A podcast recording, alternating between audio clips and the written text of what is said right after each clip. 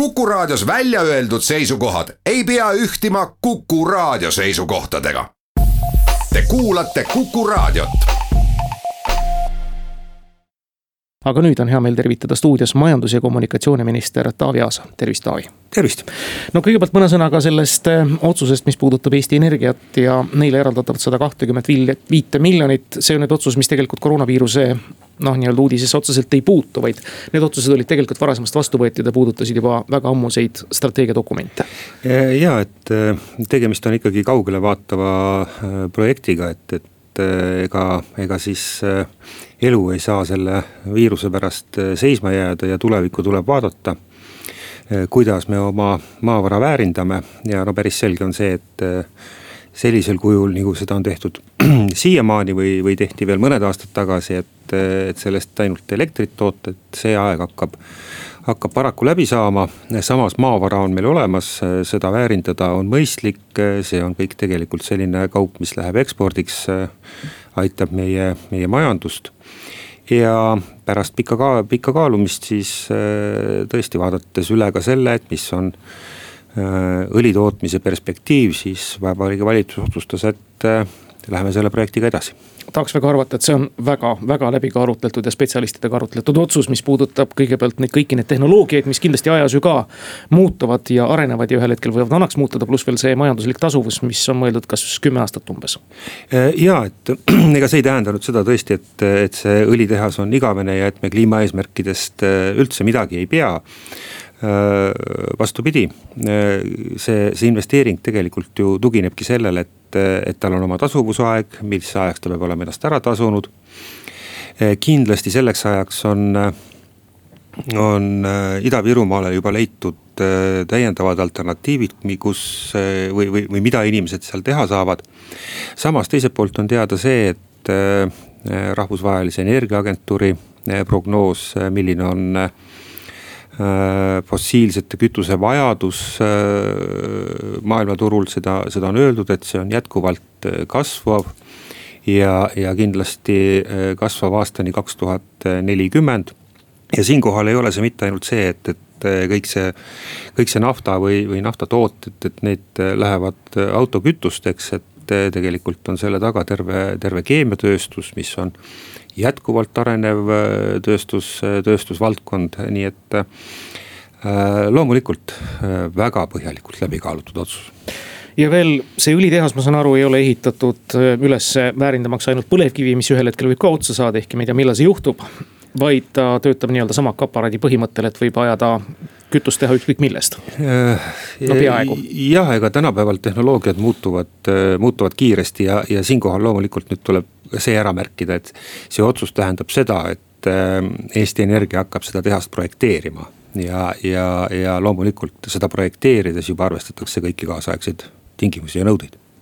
Taavi, te tulite stuudiosse ilmselt bussijaama kõrvalt sõites läbi, kas te nägite mõnda väljuvat bussi ka ja kui palju seal juhtus inimesi sees istuma äh,? ei, äh, kaugliinide bussijaamast ei ole küll näinud äh, bussi väljumas, hommikuti tööle minnes vaatan küll, mis linna ühistranspordis toimub ja ausalt öeldes ega seal ei ole küll mingit probleemi, et hoida kahemeetrist distantsi, et, et ruumi on ikka väga, väga, väga vabalt.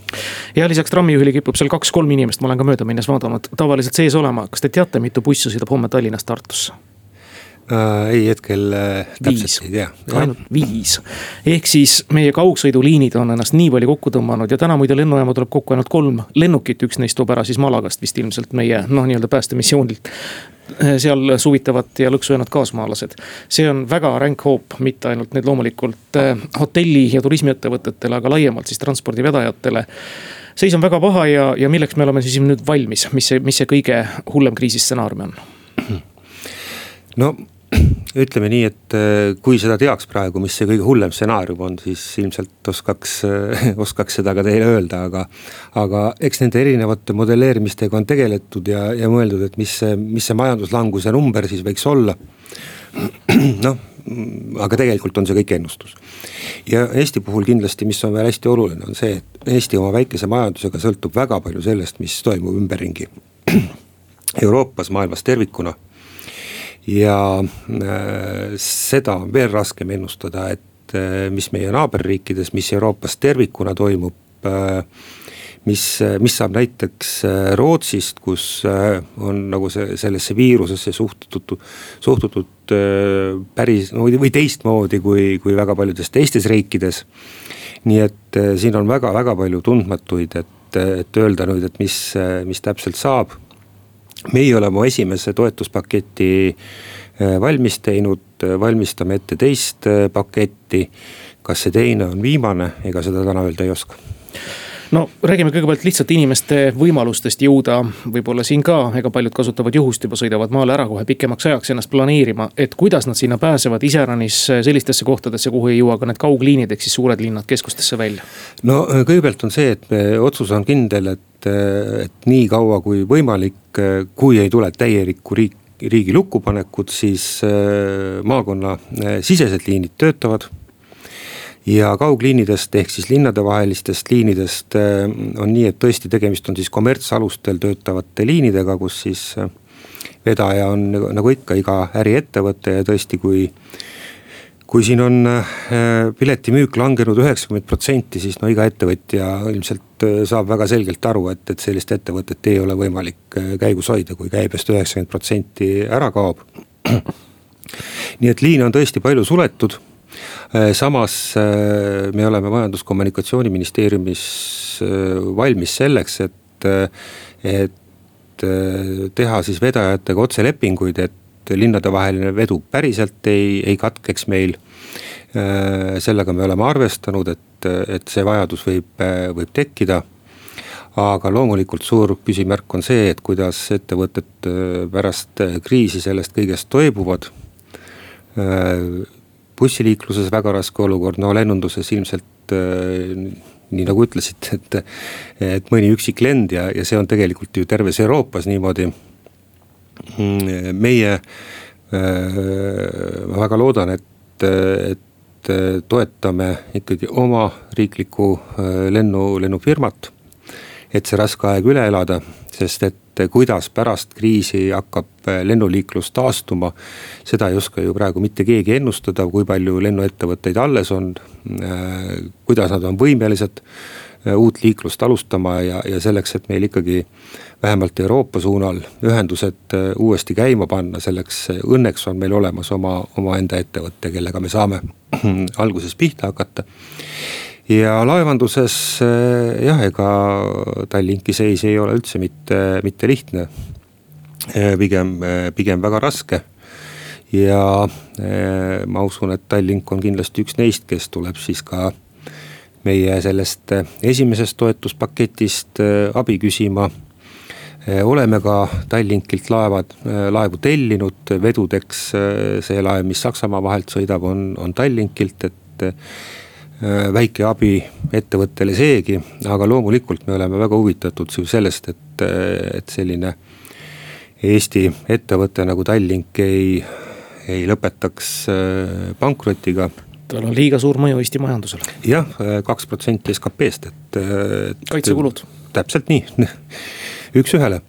nii et, et püüame teha ikkagi kõik selleks, et, et ettevõte säiliks ja noh, nii nagu ikka, et väikse riigi puhul ülioluline on see, et eh, kui kriis läbi saab, et me oma ühendused uuesti võimalikult kiiresti käima saaksime, sellepärast et läbi nende ühenduste tuleb ka meie, elab ka meie majandus, et ilma nendeta ei saa me kuidagi aga tänasel hetkel, kas need maakondlikud liinid on ka ennast kokku tõmmanud või töötavad ikkagi nii, nagu lepingud on ette nähtud, selles mahus? Äh, no maakonnasisestel liinidel äh, neid liine siis korraldavad äh, ühistranspordikeskused loomulikult äh, liinid äh, on mõnevõrra vähendatud mahus. sellepärast, et ega, ega sealgi väga palju sõitjaid ei ole. arvestame juba ainuüksi sellega, et kui, kui koolid on kinni, siis, siis juba koolilapsed ei, ei kasuta ühistransporti. aga kuna nad, ühistranspordikeskused ikkagi töötavad riigi dotatsioonil. no me teame, et üksteist ühis üksteist maakonda, kus oli ühi-, tasuta ühistransport, siis seal oli täiesti riigi dotatsioon. neli maakonda, kus oli veel tasuline äh, ühistransport, siis seal on ka tegelikult üle mindud tasuta ühistranspordile ehk siis täielikule riigi dotatsioonile, nii et äh, selles mõttes äh, seal ei, ei ole seda ohtu nüüd, et et bussiettevõtted lihtsalt ütleks, et ühel päeval enam ei sõida, sellepärast et ei ole võimalik. riik, riik seal toetab ja no veel kord, linnadevahelisel veol, kus vaja, seal tuleb minna üle sisuliselt samale skeemile kas meil on täna see valmisolek, kui Lux Express, kes sellest viiest homsest Tartu sõidust teeb neli, ütleb, et aitab. me enam ei jaksa, et me juba homme saame siis juba tellida ja öelda, et sõitke ikka, palun. Äh, meil on see äh, valmisolek olemas. Ja no ütleme Tallinn-Tartu puhul ja, ja Lux Expressi puhul tegelikult on ju äh, Tartusse alternatiiv ja, ja Tartust Tallinnasse alternatiivrong. aga me peame olema valmis selleks, et et katta ära need vahepealsed punktid, et et Tallinnast ka Paidesse või, või Mäole saaks, Mäosse saaks, et, et see on tegelikult meil siin esimene koht, mis oli, mis sattus löögi alla Märjamaa. nii et sellega on juba tegeletud. Taavi Aas, see esimene pakett, kes nüüd täpselt sellest võivad osa saada, kas see on seesama töötukassa pakett, see kolmkümmend, kolmkümmend, kolmkümmend reegel? Äh, no esimeses paketis äh, üks osa on, on töötukassa. see on see kakssada viiskümmend miljonit. see on kakssada viiskümmend miljonit, seitsekümmend protsenti, kui äh, katab siis palgast riik, kui maksimum siis tuhat eurot. see on mõeldud inimestele, aga teises paketis on väga oluline osa ka ettevõtetele. Kõigepealt läbi KredExi kogu see ettevõtete aitamine siis toimub ja kõigepealt siis KredExi käendus, mis on siis mõeldud selleks, et kui ettevõte, mm, ettevõttel on kas pangalaen või on tal mingid liisingud. ja ettevõte satub äh, raskustesse, tahab pangast saada pikendust, maksepuhkust ja kui pank siis küsib, et, et anname küll, aga tooge meile mingisugune täiendav äh, tagatis. siis see mm, KredExi käendus ongi mõeldud täiendava tagatisena siis on võimalik ja seda on miljard kokku praegu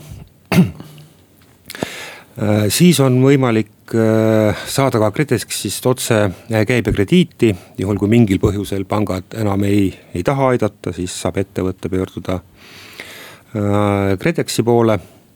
siis eraldi meetmena on uued projektid, seda on viiskümmend miljonit ja, ja siin me püüamegi vaadata nüüd, vaat iga kriis tegelikult tekitab olukorra, kus kus, kus turule tuleb midagi uut, tekivad uued võimalused. ja, ja see uued, see, see laen ongi mõeldud selleks, et ettevõtted saaksid oma uusi avanevaid võimalusi ära kasutada. ja sisuliselt eh, samas, eh, samad meetmed on ka maaelu arendamise sihtasutuseks ehk et mis on siis suunatud põllu, põllumajandusele. Sest äh, ega tegelikult on ju olukord, et, äh, et kui suur, suured põllumajandusettevõtted, äh, no neil nagu praegu suuri tagasilööke ei ole, noh tõsi, nende jaoks on probleem tööjõud aga otseselt majanduslikku tagasilööki veel ei ole, siis väiketootjatel on ikkagi väga-väga raske olukord, sellepärast et paljud väiketootjad müüsid praktiliselt kogu oma toodangu kas restoranidesse või, või müüsid seda turul või olid neil enda poed. no täna praktiliselt see selline, selline müük on, on lõppenud ja, ja tootjad väga raskes olukorras, nii et seetõttu ka siis need maaelu edendamise sihtasutuse meetmed see on selge iga riigikorra aegu, et igasugune rahalõhn tõmbab lingi ainult mitte reaalseid abivajajaid, vaid ka kõiki teisi tegelasi. kes on nüüd täpselt need, kes on kvalifitseeritud tõesti seda abi saama, küll KredExilt, küll teistmoodi siis? no KredExil on äh, omad reeglid, mille järgi ta siiamaani on toimetanud ja, ja eks nende reeglite järgi toimetatakse edasi, tõsi siin on tehtud üks mööndus ja, ja mööndus seisneb siis selles, et kui ettevõte on see, sattunud raskustesse täna, tänu äh, sellele kriisile, mis on praegu siis äh, seda KredEx ei, ei, ei arvesta, ehk siis, et äh, see, sellest vaadatakse mööda. aga nii nagu varasemaltki, et täpselt nii nagu pangad, nii ka KredEx ju vaatab ettevõtte tausta, tema varasemat tegevust ja, ja teeb selle pealt siis need toetuse, toetuse otsused.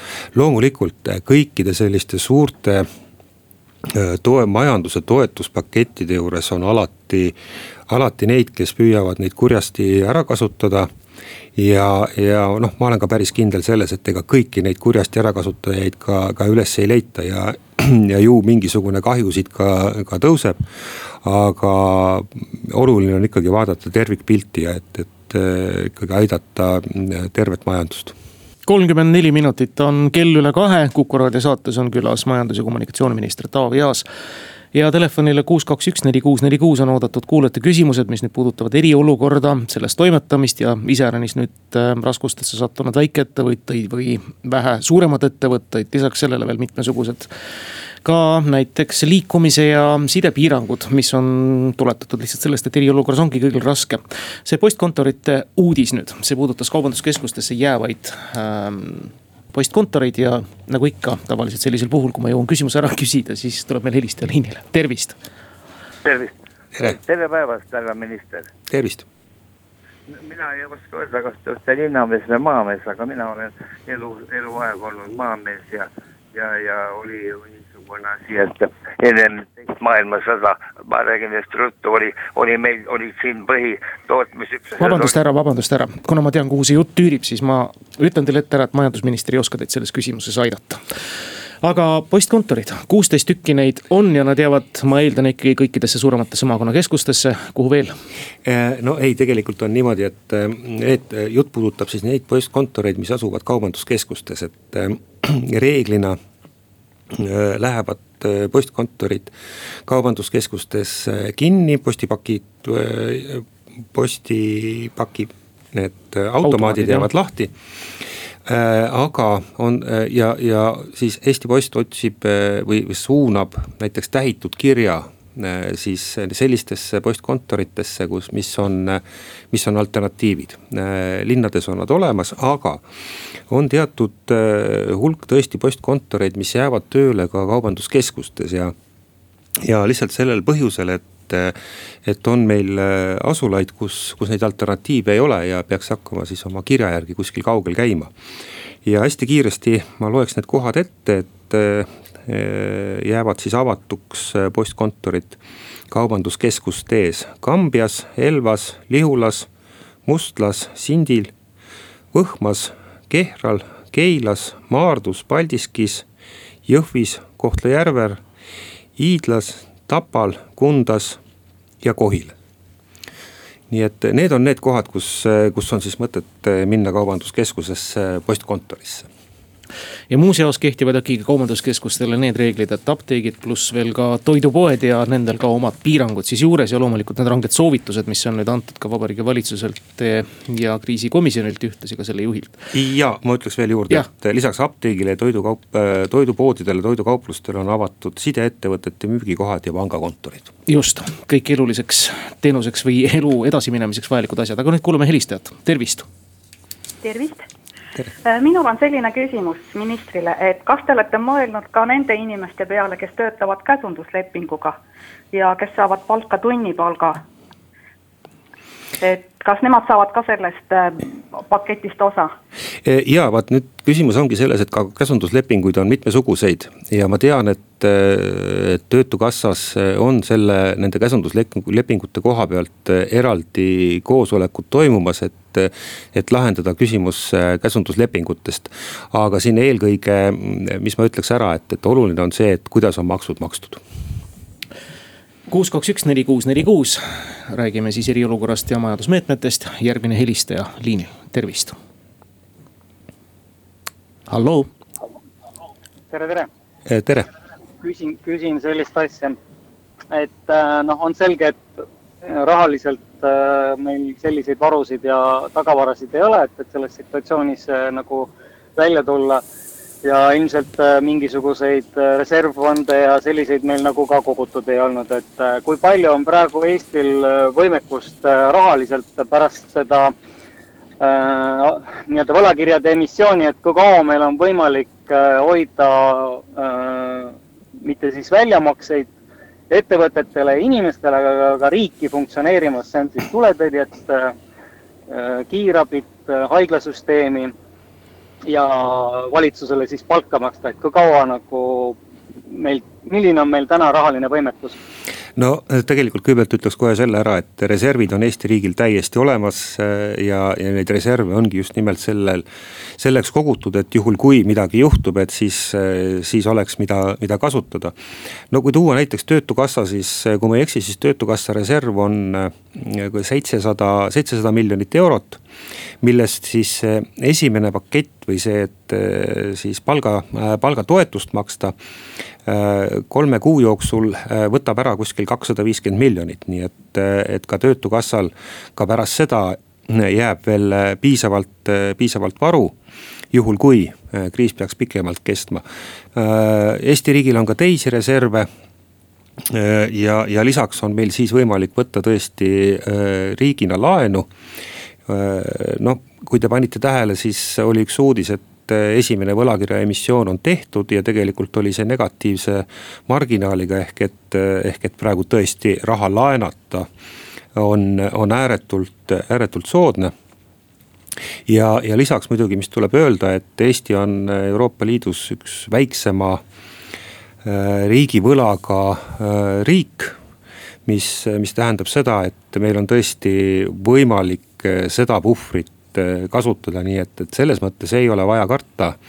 ja, ja kõik need abipaketid ongi tegelikult ju mõeldud selleks, et me ei langeks eh, väga suurde auku ja et me juhul, kui eh, tuleb, tuleb raske aeg, et me sealt võimalikult kiiresti välja tuleks kuus, kaks, üks, neli, kuus, neli, kuus on järjekordse helistaja ja loodetavasti ka küsija vastu võtnud, tervist. tervist, mina küsiks sellist asja, mõeldes ka lemmikloomadele, et kas lemmikloomapoed lähevad toiduga kaupluste alla või mitte. sest ka meie koerad-kassid tahavad täisväärtuslikku toitu süüa, mitte kaubanduskeskuste nii-öelda toidupoodides müüdavat mitte täisväärtuslikku toitu, ütlen ausalt nii toidupoodide, vabandust, siis lemmikloomakauplustega on nii, et nemad toidupoodide alla ei lähe, aga on olemas eraldiseisvaid lemmikloomapoode. ja, ja nii nagu te ütlesite, et eh, tegelikult saab ka ju eh, siis tavatoidupoodidest eh, lemmikloomadele toitu osta. ja, ja muide üks, üks asi, et mis me eraldi arutasime, on see, et nendesse suletud kauplustesse on lubatud siis nii omanikel kui töötajatel siseneda ja üks põhjuseid muide oligi see, et mõeldes lemmikloomakauplustele, kus on, kus on elus loomad, et et anda siis võimalus käia neid talitamas, neid söötmas, et, et ka need lemmikloomad saaksid selle kriisi üle elada.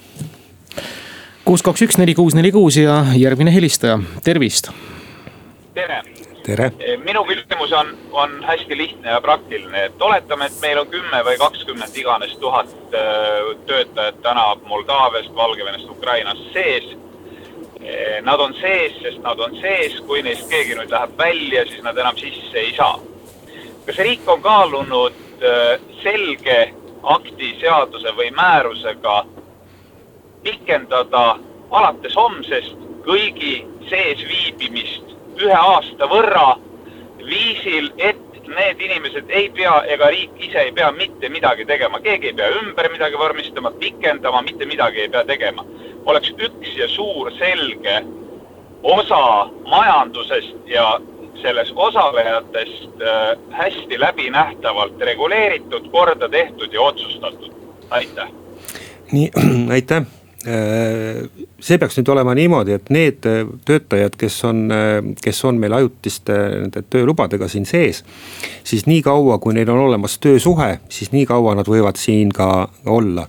ja, ja juhul, kui ettevõte, kus nad töötavad, lõpetab tegevuse või, või, või nad kaotavad selle töösuhte, siis nad peavad siit ära minema kuus, kaks, üks, neli, kuus, neli, kuus ja järgmine küsija, tervist. tervist, härra Aas. tervist. Teil on vist põllumajandusökonist, ökonomisti haridus, jah? jah. aga kas te tõesti ei arva, et tänase valitsuse otsusega, muidugi see on ju tükk aega aega võtnud, kui sellise otsuseni jõuti, lastakse sõna otseses mõttes Eesti riigile jalga. selline tööstus nagu õlitööstus, õigemini siis naftatööstus on ju täielikus põhjas, keegi ei tea, mis saama hakkab ja võib juhtuda, et isegi hakatakse varsti peale maksma, et veetakse lihtsalt ära, äh, nagu öeldakse, kütust eest ja siis ei ole kuhugi panna. üüritakse laevu ja, ja hind on noh, olematu ja te räägite siin kümneaastasest tasuvusest, sest olukord on ju niivõrd kiiresti muutunud. mis te sellest asjast ikka tegelikult arvate, aitäh? jah, no tegelik seis on see, et, et täna, isegi tänaste naftahindade juures töötab Eesti Energia õli toodab ja see õli tootmine hetkel ei ole küll kasumlik, aga ta ei ole veel ka lõpuni kahjumlik, nii et tegelikult äh, praegu veel on see täiesti, täiesti noh, tegevus loomulikult äh, ta ei ole kasumlik, aga, aga, aga Eesti Energia seda teeb. nüüd, kui me mõtleme perspektiivis, siis ega kriis ei ole, ükski kriis ei ole kunagi igavene ja veel kord, nii nagu ka rahvusvahelise energiaagentuuri uuring näitab, nafta hinnad või nafta tarbimine Äh, jätkub äh, ja kasvus vähemalt aastani kaks tuhat, äh, kaks tuhat nelikümmend.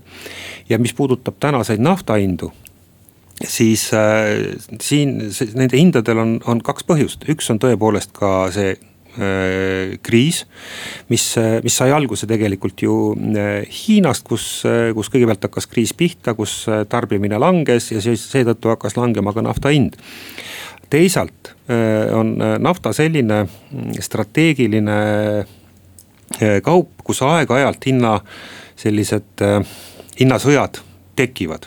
see ei ole esimene, see ei ole kindlasti viimane, mis praegu on toimumas, aga seda on olnud ka varem ja, ja teine põhjus jah, selle nafta hinna, tänase nafta hinna tasemel ongi see, et on, toimub riikidevaheline selline nafta hinna, hinnasõda aga, aga see loomulikult tähendab seda, et selle hinna juures ei ole see kasumlik või kasulik mitte ühelegi riigile, mitte ühelegi riigile, kes tood, toodab naftat. mis omakorda tähendab seda, et ühel hetkel saab see, saab see otsa ja, ja nafta hind eh, on jällegi märgatavalt kõrgem kui praegu. Telefon kuus, kaks, üks, neli, kuus, neli, kuus on helisenud, tervist. tere helistan uuesti, et äh, iseenesest ma küsisin muidugi seda otseselt raha, raha nagu seisu äh, riigikassas, et äh, füüsilist raha, mida täna ilmselt on vaja omada, mitte paberi peal, noh, töötu, töötu nii-öelda kindlustus, see on selline paberi peal olev raha, et see on nagu mujale nagu meil kassast paraku nagu ära raitsatud, aga las ta jääb, võib-olla seda ei saagi öelda. sest see muutub ka kogu aeg ja, ja eks ta ole nagu ebatäpne. Et küsiks sellist asja, et kuidas äh, majandusministril endal täna tundub, et äh, tänases äh, situatsioonis on kõige parem näha, mis on oluline mis ei ole oluline? ehk siis see, mis on vähem oluline, see on sisuliselt tänaseks nagu kokku pakitud. oluline, see paraku töötab ju edasi, et, et kas, kas oi-oi, nüüd kadus hea helistaja ära leviaugud on teil sees, ausõna me ei kuule teid lihtsalt, ma ei tea, kas siit nüüd kostus mõni küsimus välja või? no ma sain ainult nii palju aru, et helistaja, helistaja mõte oli siis selles, et, et vähem oluline on, on ära kadunud, aga. aga paraku on niimoodi, et meil on ka ära kadunud äh, väga palju olulist, et äh, kõik, mis puudutab äh, turismi äh,, lennundus, laevandussektor, et seda ei saa kindlasti nimetada väheoluliseks, aga, aga paraku on ka ka väga oluline Eesti jaoks pihta saanud. kuulame järgmist helistajat, tere.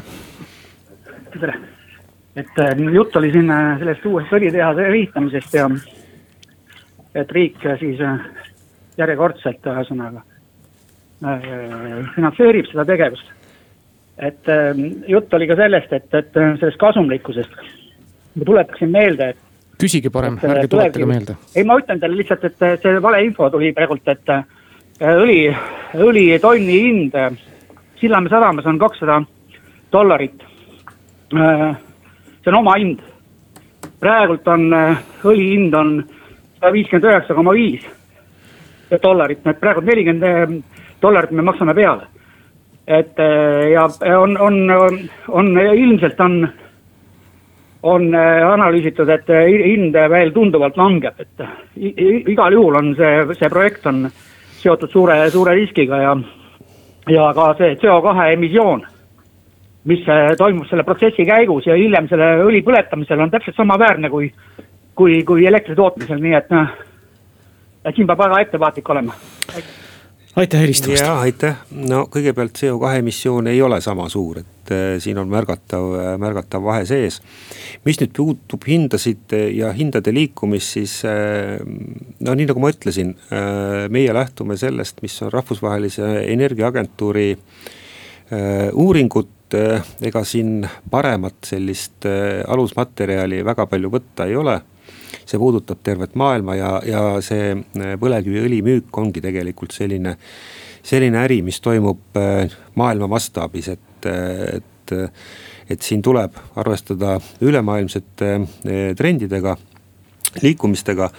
ja, ja see uuring ütleb ikkagi seda, et aastani nelikümmend on, on see kasvamas ja veel kord see ei pruugi olla kasvamas transpordisektoris või ütleme siis autodelt, aga, aga samas äh, see kõik, mis puudutab keemiatööstust, siis äh, see on, see on edasi, edasi kasvamas. aga ma arvan, et nii nagu hea saatejuht ütles, et Eesti Energia juhatuse esimees on, on tulemas, eks ta saab täpsemalt neid hindasid kommenteerida. Jah, kuus, kaks, üks, neli, kuus, neli, kuus, meil on küsija liinil, tervist tere. tere. kas te võib kõne alla tulla, et Rail Baltic kui mittevajalik projekt ära jätta?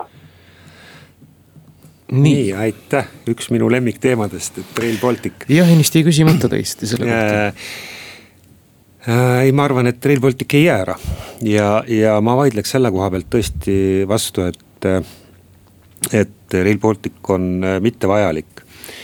Äh, see kriis saab läbi, nende kliimaeesmärkide juurde tullakse tõenäoliselt Euroopas tagasi. ja üks äh, sektor, mis, äh, mis kindlasti tulevikus saab olema väga suures muutumises, see on autotransport autotrans- ja just kaubaveod autotranspordil, sellepärast et see on Euroopas üks, üks saast-, suuremaid saastajaid ja Euroopa Liit on juba võtnud vastu selliseid või on vastu võtmas selliseid meetmeid, mis autotranspordi liikumist äh, piiravad. mis meie jaoks on hetkel ikkagi tõsine probleem, kui me vaatame seda esimest või, või transpordipaketti, mis äh, mis oli Euroopa Liidu parlamendis äh, menetluses ja, ja kus, mis, mis siis rääkis sellest autode autode tagasipöördumisest asukohariiki, mis, mis, mida kaugemal Euroopa keskusest eh, riik on, seda problemaatilisemaks seda selle transpordi korraldamise teeb, nii et eh, kokkuvõtlikult äh, auto, autovedusid piiratakse ja kui meil ei ole korralikku raudteeühendust Euroopaga, siis siis kümnekonna aasta pärast oleme me väga-väga suures hädas me enam ühtegi kõnet ei jõua kahjuks vastu võtta, lõpetuseks tahaks Taavi Aas küsida nüüd kaupade vedude kohta üle-euroopaliselt ja kaugemaltki veel, kas need toimivad, kas meil on vastavad rohelised koridorid olemas, laevad siiski ju sõidavad.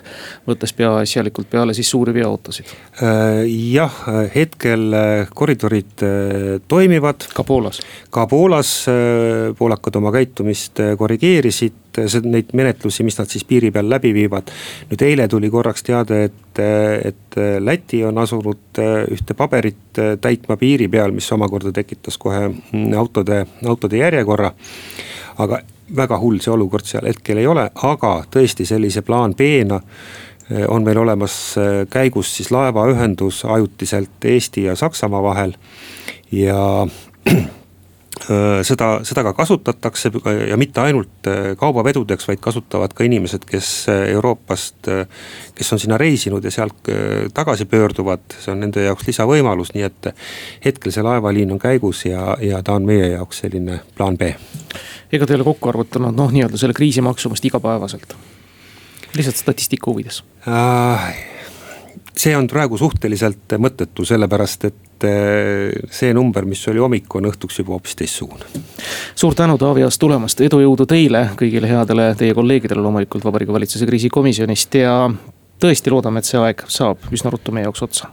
aitäh teile ja edu teilegi